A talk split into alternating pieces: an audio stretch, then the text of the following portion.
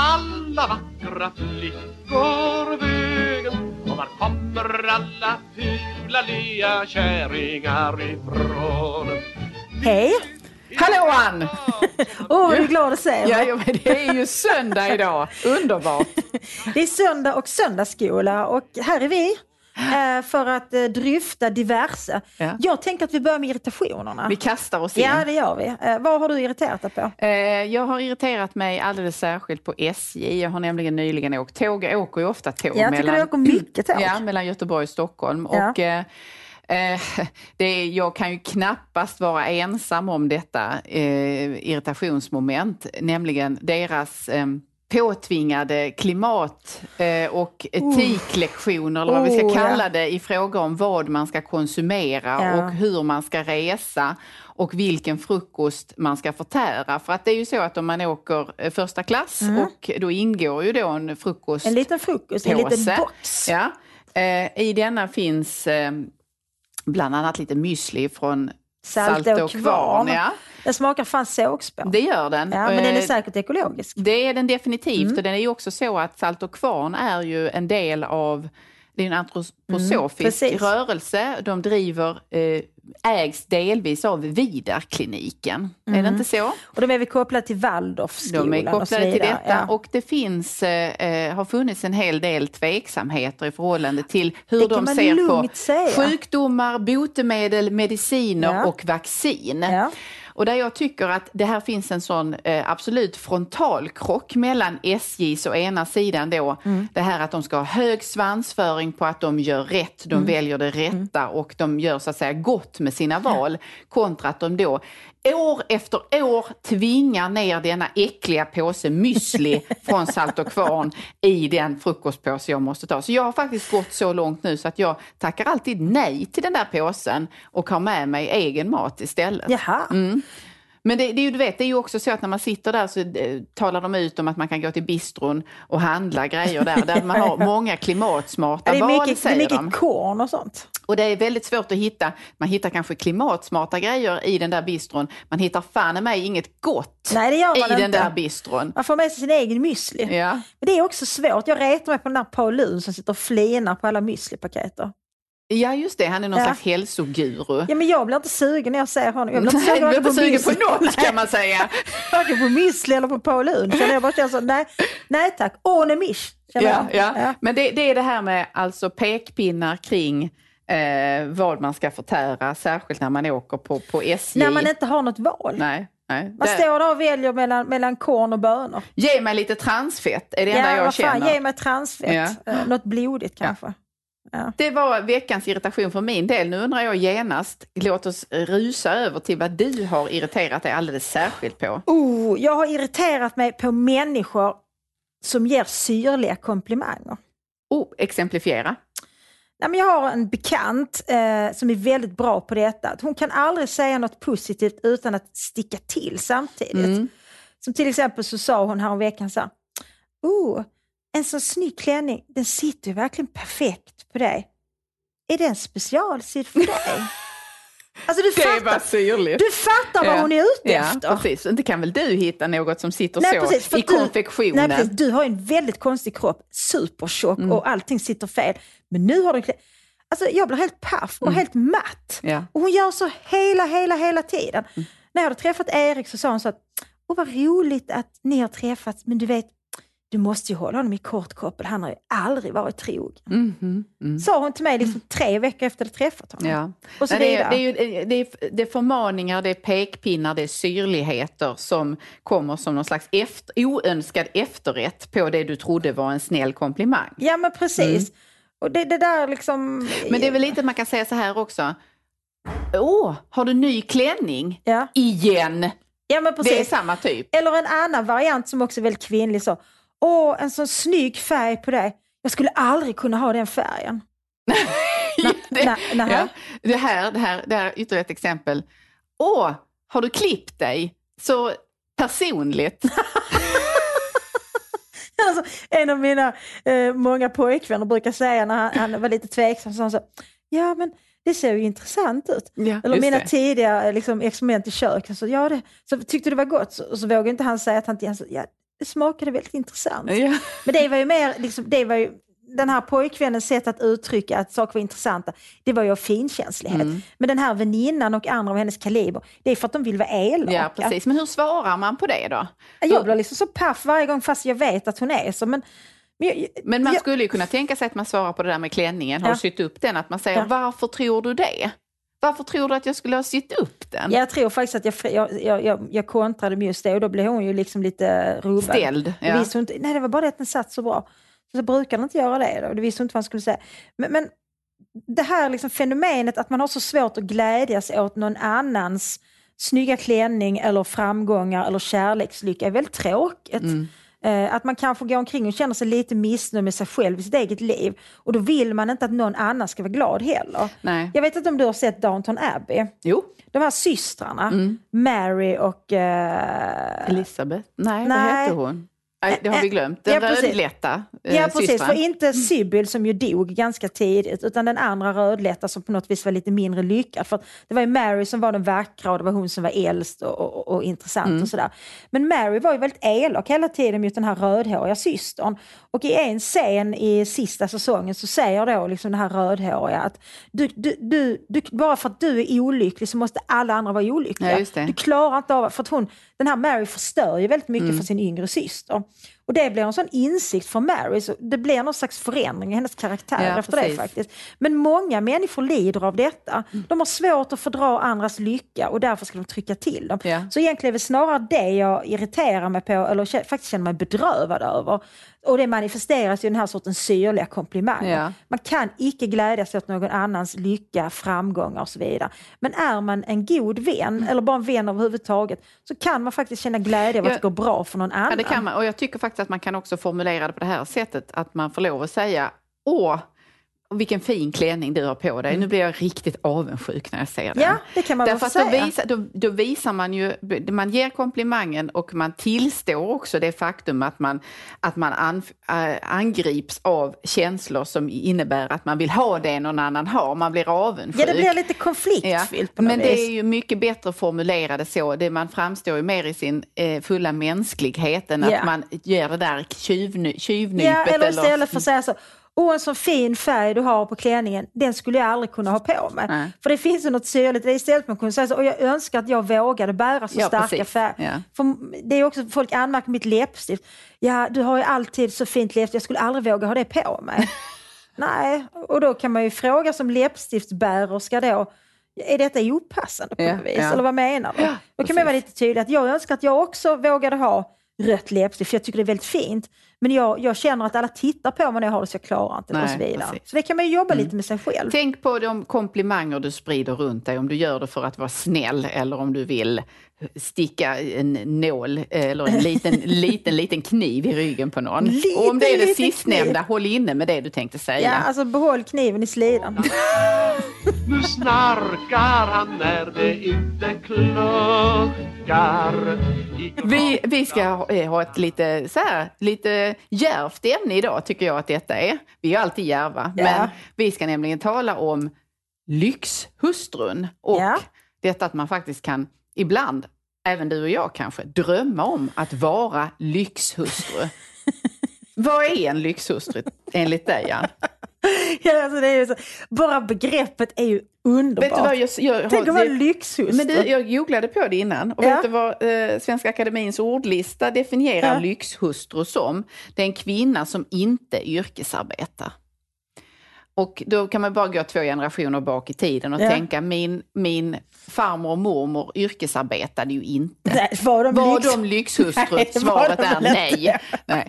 Så den definitionen är ju inte korrekt. Nej, den håller inte. Där har Svenska Akademin misslyckats. Mm, Ta detta till er. Jag, jag, jag vet att ni lyssnar. Men Gör något åt detta. det, det, vad är en lyxhustru? Nej, men när jag tänker, för detta är ju en av mina hemliga drömmar. Det är ju en dröm jag har, det är att få vara en lyxhustru. Mm. Och jag inser naturligtvis att, att loppet är ju kört och alla tåg har gått. Jag kommer nog aldrig bli en lyxhustru. Men en lyxhustru tänker jag mig som en kvinna vars främsta uppgift är att behaga. Mm. Och hon, för att hon behagar så blir hon då försörjd rikligen. Så det räcker inte bara med att man får bo i en tvåa på Segevång och, och kanske få falukorv till middag. När man ska bo i någon luxuös våning eller nu återkommer jag till mina slott, jag är mycket för Ja, slotten. Eh, och man ska ha kanske så här pretty woman-kontokort som man kan handla hur mycket som helst för och så vidare. Och man ska vara liksom man ska ju inte vara en hålldam, för det låter inte så roligt att bli försörjd om man så, det är liksom, ja men okej jag får knulla med dig och därför så betalar jag din hyra. Det är inte det jag är ute efter, utan jag vill också bli dyrkad. Du är, det, du är ute efter en massa privilegier, förmåner och ett civilstånd kan man säga. Det kan man säga. jag vill bli satt på piedestal. Ja. Jag vill bli behandlad som ett mycket dyrbart konstverk. Ja. Men, men för det som är det du beskriver och det man drömmer om här är ju ett, en absolut eh, frånvaro av bekymmer om ekonomi till exempel. Precis. Och att det då, tanken är att det ska ge någon slags frihet. Mm. Frihet att göra vad jag vill, frihet att, att ägna mig åt det som lusten eh, bjuder i stunden så att Mm. säga. Men i lyxhustruns livslott ligger ju också att den här friheten förvärvar hon via någon annan. Ja, så det- den är precis. ju inte egen. Nej, hon, Där hon finns ju äger ju konflikt. ingen självständighet på det sättet. Nej. Hon är ju inte fullt ut autonom, det kan man inte påstå. Därför att hela hennes existens är ju beroende av att någon, Någon annan försörjer. någon försörjer henne. Ja. Men det är väl det som är lyxen i det hela för mig, att någon skulle försörja mig så att jag kan göra vad jag vill. Och det är möjligt att den sortens lyxhustrur inte riktigt finns, utan att eh, män som då har råd med lyxhustrur kanske också ställer vissa krav på henne. Ja, Jag kan faktiskt komma på ett exempel på, på till synes lyxhustru i närtid då. Mm. Det finns ju flera olika egentligen, men jag tänker på till exempel Helena Kallenbäck, skådespelerskan. Hon var ju en uppburen, mycket duktig skådespelare, vacker som en dag är hon, var hon. Jag Ja. tror hon lever fortfarande. Ja. Var i unga år gift med Stig Olin som ju redan då var, en, han var äldre, också uppburen Precis, han var väl. Dramatens skådespelare? Ja, va? precis. Mm. Hon gifte sig sen med en godsherre utanför Helsingborg. Mm. Och om jag har förstått, nu är de skilda, men om jag har förstått saken rätt så ställde han ett krav på att han ville inte att hon skulle skådespela mer. Han Ja, ville men det är ha väl en som kvinna när hemma. Grace gifte sig med Fors Reiner, eller Ja, precis. Ja. Eh, Vi har eh, Marianne Bernadotte som också var en mycket duktig skådespelerska Mm. Ja. och som gifte sig med Sigvard Bernadotte, eh, tidigare prins, farbror till kungen. Hon fick inte fortsätta Mm. Skådespela Och sen där. har vi den mycket, mycket otacksamma Meghan Markle. Precis, prins Harrys, Precis, fruktansvärda eh, woke. ragata, Woke Meghan. woke-ragata som har förstört det brittiska kungahuset. Men när, du, när vi tänker på alla de här kvinnorna, Mm. Håller du fast vid drömmen om att vara lyxhustru? För det finns ju något du försakar i det du får också. Alla Ja. dessa kvinnor har försakat något och, så att säga eh, puttat in handlingsutrymme, manöverutrymme och en viss typ av frihet för en annan typ av frihet. Jo men alltså jag tror faktiskt att jag skulle vara beredd att försaka hela min yrkeskarriär för att få den sortens trygghet och stabilitet. Och där är väl människor olika men jag tror att en, en grundläggande, ett grundläggande behov jag har det är att känna mig trygg och omhändertagen. Och det kanske jag tror att jag har eftersom jag aldrig har upplevt mig varken trygg eller omhändertagen. I alla relationer jag har haft med både män och kvinnor så är det jag som har varit den som har haft byxorna på sig. Lokomotivet. Ja men det är det. Det är jag som har dratt allting, det är jag som har planerat allting, det är jag som har tjänat mest pengar, det är jag som har betalat alla räkningar eh, och så vidare. Och jag är så trött på det. Du, vad du är ute efter är lite vila. Du ja, vill men jag vila. skulle vilja ha någon som säger Kära Ann, flytta in i mitt slott så tar jag hand om allting. Eh, Du kan väl hålla på, vi köper några hästar till dig så du kan ägna dina dagar åt att rida, påta i trädgården, vara värdinna på mina stora bjudningar, eh, suga av mig då och då och så vidare. Alltså det låter som en perfekt tillvaro. Och så behöver man aldrig tänka så, herregud nu är det snart den 25 i månaden. Eh, hur mycket har jag fått in i mitt Mm. aktiebolag? Hur mycket kan jag, kan jag få ihop momsen till det här och det här? Eh, nu måste Men det jag är ju, ändå det är tacka ju drömmen, att, drömmen om att slippa alla dessa vardagliga bekymmer Mm. och eh, kullar man måste ta sig över innan man kan unna sig ett eller annat. Mm.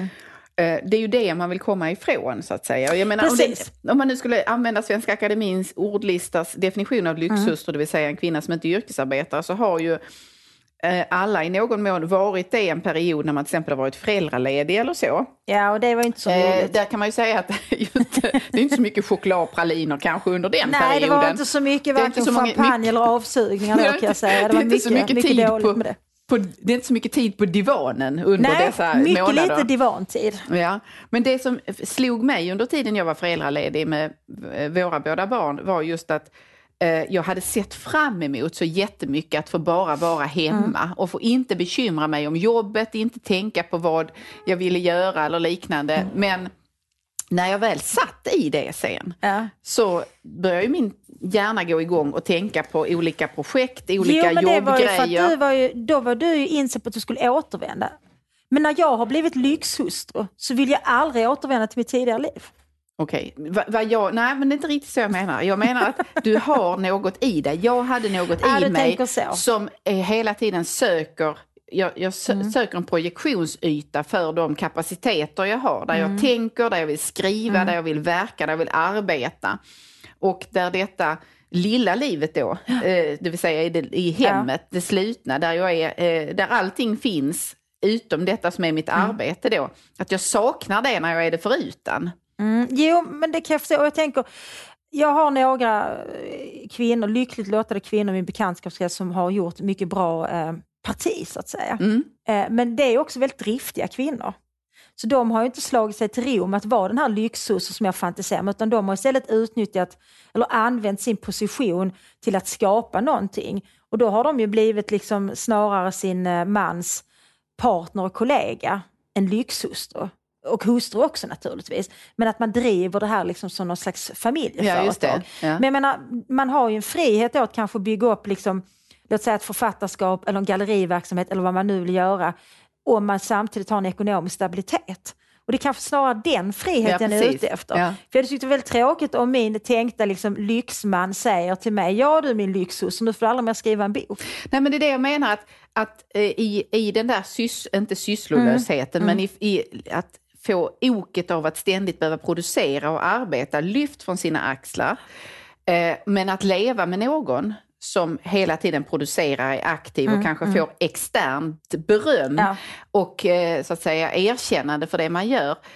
Det, att leva i den här hemmatillvaron, Ja, i det lilla tiden, livet, ja. det innebär att man också måste kunna klara av att vara utan den formen av externt beröm. Jo precis, det, Och- det måste man ju vara beredd på att man inte får. Och det tror jag att det, det är det som är liksom ofta misskalkyleringen i när man drömmer om att få bara vara hemma.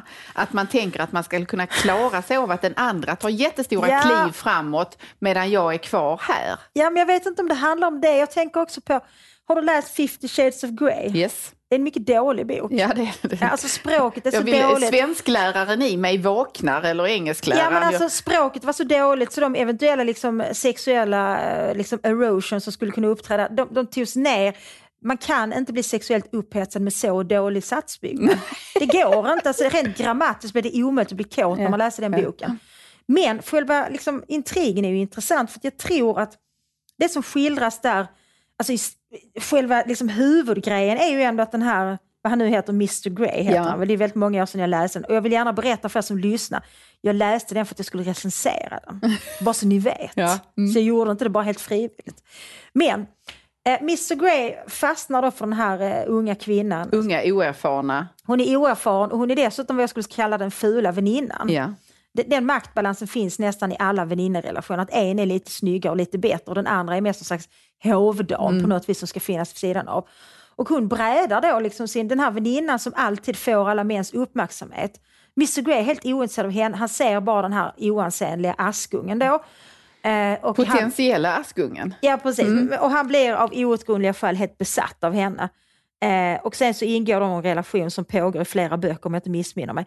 Men han gör ju upp då, han, han, han sätter upp ett antal regler för henne. Hur, vad hon ska äta, vad hon ska ha på sig, hur hon ska bete sig sexuellt och så vidare. Och det finns en lockelse i detta. Det han gör det är att han vill äga henne. Han vill äga henne 100 procent. Och det är ju någonting i detta som, alltså själva ägandet som jag tror ändå kan finnas en, en attraktion i, att någon verkligen vill äga Någon mig. tar kommando eller Någon någon, har, kommandot. och någon har din rygg också, för det är det det handlar om. Att ja, det vill för säga att i om du, utbyte får hon ju hans totala uppmärksamhet, hon får all trygghet, hon får eh, ja, hon är pengar. begärd på alla hon, hon sätt. är begärd och om hon, är, hon, är liksom, hon är begärd och omhändertagen på samma sätt som en jävligt dyr häst Mm, är det. Om du köper en häst för två miljoner så tar du väl hand om den Ja. hästen. Det är exakt det som blev den bokens, trots dess språkliga brister, eh, framgång, nämligen att den i stycken beskriver någon, någon slags kvinnlig fantasi, eller en Ja. fantasi som väldigt många kvinnor kan, i alla fall temporärt, associera till och, och drömma sig in i. Alltså Sex and the City som var ju en sån Ja. 90-talssuccé, Ja, bygger ju egentligen på exakt samma grundkoncept. Mm. Jag hade sådana problem med att den ofta framställdes som någon slags så, feministiskt kliv framåt. Den är eftersom- mycket, mycket lite feminism Ja, eftersom det är en. Askungen. I grunden är det en Askungesaga. Ja, ja. Eh, modell gamla historia. Mm. 50-tal. Eh, eh, bara det att den utspelar sig i, i New York och de Mm. har mycket pengar på fickan redan när så att säga, serien börjar. Och Mm. Ja, sen kommer den här Mr Big, heter han ju, inte Mr Grey då. Men Nej, det, utan nu är är, det, det, är- där är det Mr Big. ja, exakt, det är ju Jag precis tycker samma Mr Grey är fenomen. snyggare Ja, i filmatiseringen. Det stämmer. Men, men, men det, det, det är just det där att den appellerar till någon slags fantasi eller dröm av konsumtion, lyxliv och att det alltid Du finns får någon som mig att fångar verka så dig. ytlig nu Anna-Karin. Nej, men jag tänkte att vi skulle kontrastera detta mot eh, hem, under den perioden Ja. när hemmafru-tillvaron var standard, så att säga. För att det man såg då var ju en rörelse snarare att, alltså på 50-talet när de flesta kvinnor var hemma, eh, då fanns det ju en rörelse av att försöka professionalisera, inte lyxifiera. Alltså det, det som de politiska krafterna ville göra var ju att understryka att hemmafrun inte alls bara ligger på dyschan hela dagen och läser eh, Hemmets veckojournal och, och äter eh, bröstkarameller eller vad man nu gör. Bröstkammel. Det låter inte alls. Inte Nej men är det inte sådana små, nej men ja det är det kanske. Jag tänker sådana här sugtabletter du vet. Ja, man har. Jag Ja. vill hellre ha chokladpläden. Okej, man åt engelsk konfekt. Ja, det låter trevligt, precis. engelsk konfekt. Bridgeblandning Ja. åt man på 50-talet, tänker jag. Och då fanns det liksom en strävan att från alla, från politiskt håll, från vetenskapligt håll, att, att professionalisera hemmafrutillvaron Ja. så att allting kunde göras på ett korrekt sätt. Och detta krävde kvinnans hemmavaro, det krävde hennes Därför man såg det som ett heltidsarbete att sköta Ja, ett hem. exakt. Så det är ju den absoluta kontrasten Mm. till det du beskriver. Jag tycker det är så, och sen så finns det ju, när vi ändå rör oss in i fiktionens värld, då finns det ju i nutid ett antal fiktiva, både i litteratur och i film, Mm. skildringar av hur på ytan perfekt den här livet, det här livet var, men hur tomt det var till sitt innehåll. Ja, men jag tänker på, alltså, såg du Revolu- Revolutionary Road? När Ja. den, eh, du kanske har läst boken också. Jag hade Mm. faktiskt läst boken innan. Och det är ju liksom, det är ju ett, ett, ett ungt par som träffas som blir väldigt förälskade och i början i en nyckelscen i filmen så säger mannen till kvinnan att vi ska aldrig bli som alla andra. Mm. Sen köper de ändå ett hus i någon suburbia eh, och det slutar med att hon tar livet av sig tror jag, för att hon blir Och det helt finns ju flera, men Ja. Far from heaven är ju samma, det, det är Carol. samma, samma Ja. plott. Jag blev för övrigt uppraggad en gång av en man på bokmässan som citerade en replik och Revolutionary Road och sa att du är den mest intressanta person jag någonsin har träffat. Det var snyggt. Ja, det var snyggt. Alltså att, att ragga upp någon med litterära referenser. Det tycker vi att det skulle fler göra. Ja, vi tycker det, Ja. för att det skapar genast liksom en viss, okej du, jag förstår det här. Ja, det är bra. Ja. Eh, så det är om detta. Men jag tänker det vi pratar om också, det är ju, det är ju egentligen det är ju äktenskapet som sådant. Mm. Alltså, vad är ett idealt äktenskap? För nu börjar man måla upp någon bild av att, att ideal äktenskap skulle vara att någon bara tog hand om mig och jag fick göra i princip vad jag ville mot vissa tjänster då så att säga. Mm. Och det fanns mycket pengar och lyx och så. Men sen finns det finns ju en annan idealbild av äktenskapet som är det här Alltså partnerskap Ja, eller. Mm. kamrat. Jag tänker liksom Alva och Jan Myrdal. Jag tänker eh, Jean-Paul Sartre och Simone de Beauvoir, alltså ett intellektuellt äktenskap. Jag tänker Marina Abramovic, vad heter nu eh, den här, eh, du vet konstnären Marina Abramovic. Hon hade ju ett, ett partnerskap med en manlig konstnär. Ah, inte, ah, vad heter Jo, någonting på A. Men det, var, alltså det är ju så otroligt gripande. När de bestämde sig för att gå skilda vägar så gjorde de någon grej på kinesiska muren. Mm. Och sen träffades de aldrig mer. Och sen så gjorde hon en stor installation på MoMA i New York tror jag det var. Där hon satt vid ett bord och människor fick sätta sig mitt emot henne helt tysta om det var två minuter och bara titta på henne. Det var liksom verket och Ja. så filmades det. Och då kom han. Ah. Ja. Och jag, eftersom jag är romantisk, jag är en otroligt romantisk person, så, så för, jag, jag ljuger för mig själv och intalar mig att detta inte var planerat. Utan att han bara kom. Och det är en oerhört stark scen när liksom tårarna bara börjar rinna på båda. Ja. Det, så det är ju en annan, inte att de splittar upp, men liksom den här bilden av att man både man lever tillsammans, man skapar tillsammans, Man man, älskar älskar, och så Ja, vidare. Eh, frågan är liksom, alltså, Jo, det, det, fungerar det? Ja, men det, det är frågan om eh, när är liksom, hur mycket obalans tål ett äktenskap? Ja. Alltså också för att vi, vi rör oss ju mellan den här ena ytterligheten av att den ena är den aktiva, till Mm. synes eh, externt aktiva och den andra är passiv hemma då så att Ja. säga. Kontra det du just beskrev att man har någon absolut balans i att båda är lika aktiva, båda är lika... Och att man också, jag menar, tänk på, eh, vad heter de här Brangelina? ja. Alltså de är ju större tillsammans än var för ja. sig. Va? Ja. Vis. Att man kompletterar varandra på det sättet. Nej, men jag tror att definitivt att vi behöver bilderna av att en sådan relation är möjlig. Om vi tar våra kungligheter till exempel. Ja.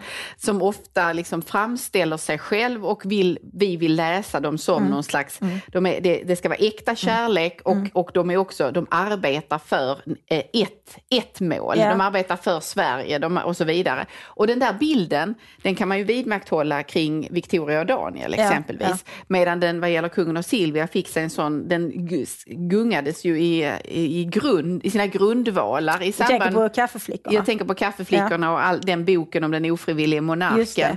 Och de historierna som, som spreds därigenom, där man då genom i ett, i, i ett eh, i ett slag så ändrar man då sin bild och Mm. sitt sätt att ta, tolka av kungen och Silvia och i, i alla fall jag ser Mm. ju på vår drottning på ett helt annat sätt i fråga om vad hon då kanske har stått ut med och vad hon offrar för att fortsätta arbeta Ja. i den, den roll och det ämbete hon uppbär. Ja, och att hon, för jag tänker på Madeleine och Chris och de har väl, om jag förstått rätt, så de väl lämnat Sverige. Ja, ja, precis. De bor inte här. De bor i USA. väl? Ja, och Mm. jag tror att hon också har avsagt sig sitt apanage eller hur det nu är. Och jag tror att Chris har alltid verkat väldigt obekväm med den roll som han fick. Mm. Eh, han blev väl förälskad i Madeleine och de ville leva tillsammans men då var han ju tvungen att leva med Sverige också. Mm. Och det var han inte beredd på. Det kanske är svårare för en man att anpassa sig. Därför Silvia har ju gjort det. Nu Mm. Ja, och du har ju, parallellen är ju också Henrik i Danmark, eh, drottning Ja. Margretes man. Det som, verkar ju ha varit ett på många sätt både väldigt lyckligt och passionerat äktenskap men också ett rätt besvärligt Ja. äktenskap. När man ser det där det rollerna utifrån. inte accepteras så att säga. Nej precis, Mm. Hur man ska hantera det. Men det, alltså det du är inne på är ju intressant för man tänker sig lyxhustervarianten då finns det ju en väldig asymmetri i en sån relation. Mm. Där den ena egentligen står för allting och den ena har... Alltså, i, I en asymmetrisk relation så är det ju den ena som kan upprätthålla relationen men som också kan bryta den. Att Den andra har inte riktigt den möjligheten. Mm. För det är klart att lever man med en person som försörjer en då är det väldigt svårt att bryta sig loss. Därför var ska man ta vägen? Ja, precis. Jo. Samtidigt är det ju också som du säger att jag tror att i de allra flesta äktenskap, även om det ser ut som om det är väldigt jämställt, så är det ju en part som dominerar. Mm. Och kanske är det nödvändigt. Alltså kan båda två... Eh. Ja, alltså behövs det inte att en tar mer där hemma på något vis? Traditionellt har det varit kvinnan, men det kan ju lika bra vara mannen. Nej, men jag tror definitivt att det behövs att det i olika perioder av livet så är det Ja, en som drar man- mer precis. hemma och en som drar mer externt. Och det där är ju också så, eh, där vi har, vi har ju tidigare eh, lektioner här i söndagsskolan Mm, så har vi rackat ner lite på såna här eh, när jämställdhets... Eh, när man blir alltför ivrig Mm. i att med millimeterrättvisa lagstifta fram att mannen och kvinnan eller föräldrarna ska dela precis Ja. lika på allting.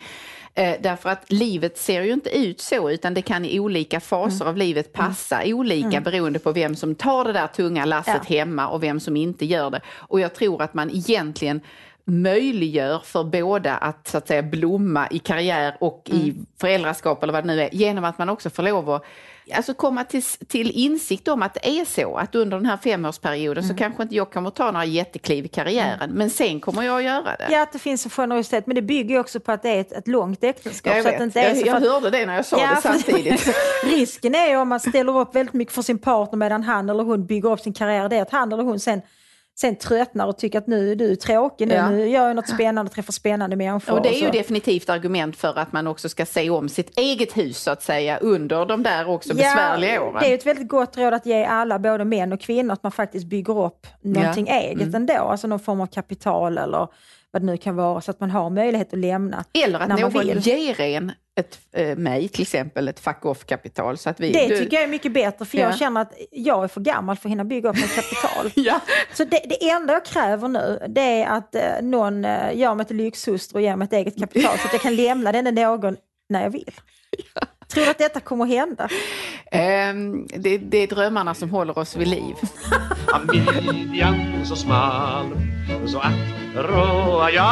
Men jag vill, jag vill också säga så här att apropå de liksom äktenskapliga, alltså vi- vi- hur vi vänder och vrider på äktenskapet här och dess olika fällor och möjligheter. Att, eh, alla de skildringarna av hemmafrutillvaron på 50-talet som vi gav exempel på tidigare, det som kan störa mig när jag tittar på dem, alltså jag har inga problem att leva mig in i och känna sympati med tomheten eller med Nej. våndan.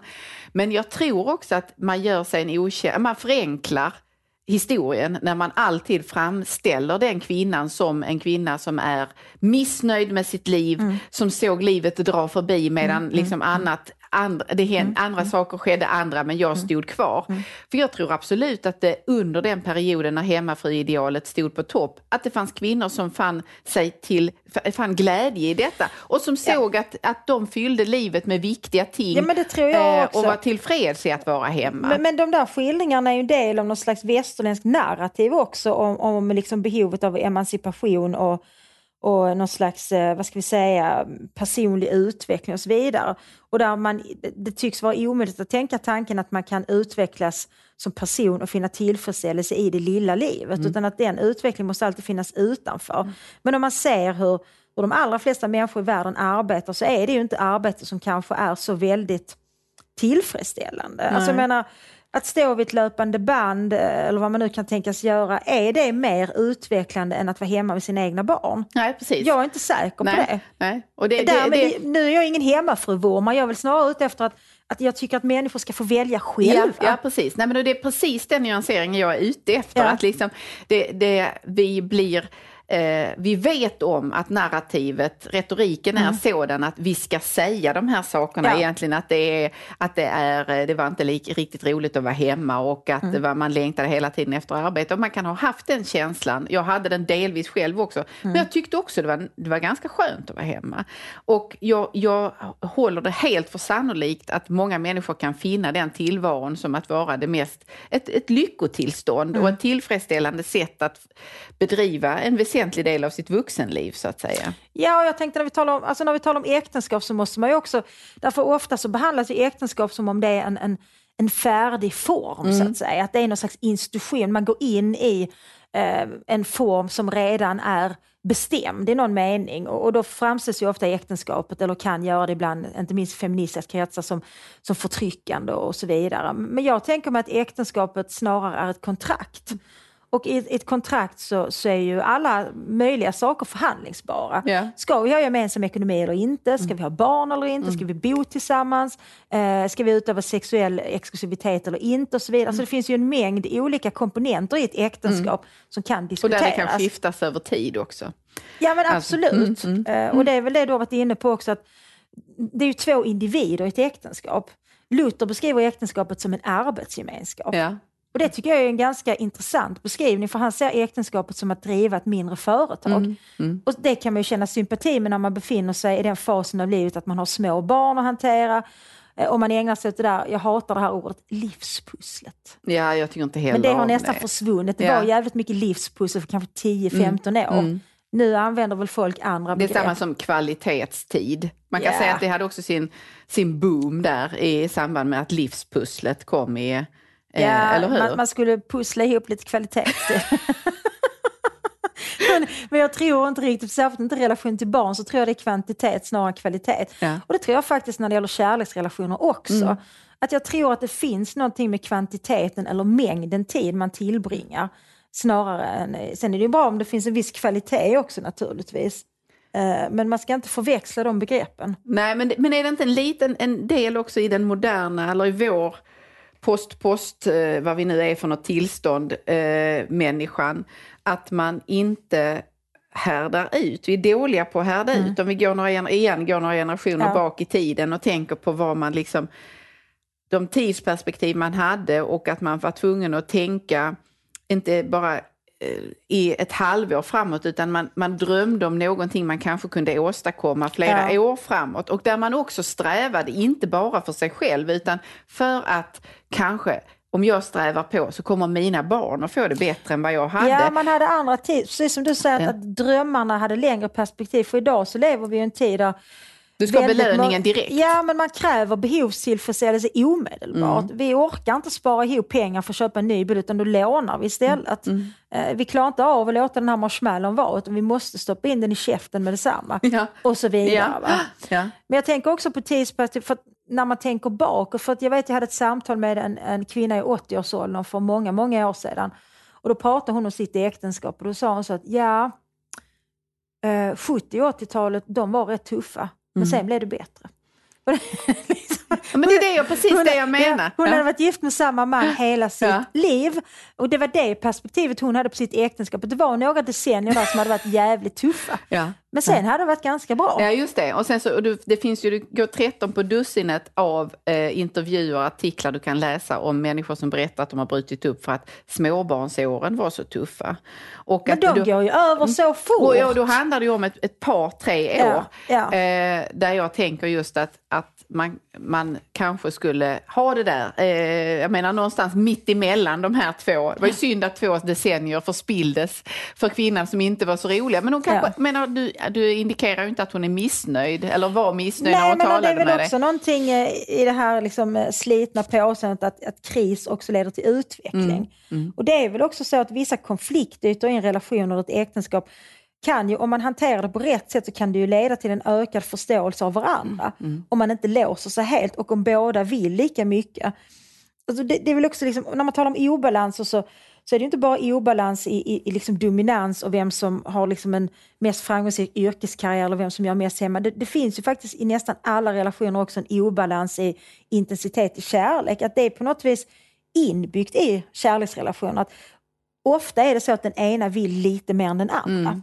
Och det skapar ju också ett maktövertag för att den som vill mest den som vill det här mest. mest, förlorar. Ja, ja. Varför den som vill lite mindre har trumf på handen. Ja, för den personen vet att du älskar mig lite mer än jag älskar dig, så du står ut med lite mer. Så Mm. Och kan ha, hota. Och kan ja, jag kan hota. Mm. om att lämna dig och så vidare. För jag vet att du kommer aldrig att lämna mig. Nej.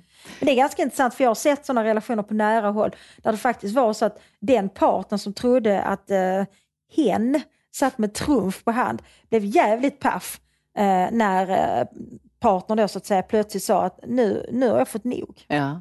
ja, just det. Detta kunde den här eh, människan inte föreställa sig sin vildaste fantasi. Nej. Därför i, i- den här människans värld så var det ju hen som Mm. skulle lämna. Mm. Mm. Så så kan det ju bli Ja, också. precis. Jag tänker på en, en dam som för mig delvis personifierar möjligen eh, alltså lyxhustrun fast på, med en twist och det är Mm. Barbara Cartland. Ah, men det är en sån lyxhustru jag vill vara. Ja. Ja. Hon är ju, var ju, eh, författade ju, eh, vad, vad ska jag kalla dem, tantsnusk. Eh, väldigt kyska. Tant... Romance. Ja, ja, precis. Ja, så men det mycket, var- så mycket snu- alltså, det det, var ju aldrig mer än en kyss. Det var precis, och det var väldigt viktigt för henne att det var kyssen. Det skulle inte vara något liksom slabbeslibb eller Och någonting ofta så sånt. slutade ju hela romanen, allting liksom, det var 300 sidor som byggdes upp mot en kyss. Mot en kyss, ja precis. Så att Sen vi ska inte, slut. tantsnusk är fel att säga, Nej. utan det är romantiska, lite harlekin. ja, Eh, menar, det är ju ett begrepp, ja. Cartland. Ja, Alltså, precis. Men hon eh, levde ju sa- samtidigt som hon var oerhört produktiv. Hon skrev ju liksom en bok var tredje vecka eller något Ja, det liknande. var helt sanslöst. Eh, och jobbade alltså fram upp i, Mm. fram till s- sin död i princip. Men hon iscensatte ju samtidigt en, ett ideal om att hon levde ett liv i lyx och att hon var den här, hon låg på divanen, hon hade alltid rosa kläder, Ja. hon var väldigt Hon var väldigt hon, hon hade lösögonfransar Ja. och vågat hår Ja. och allt sånt där. Och när jag säger vågat hår nu till alla våra yngre lyssnare så menar jag alltså inte att det var djärvt utan att det var, det var det ondulerat. var vågor som på havet. Ja, precis.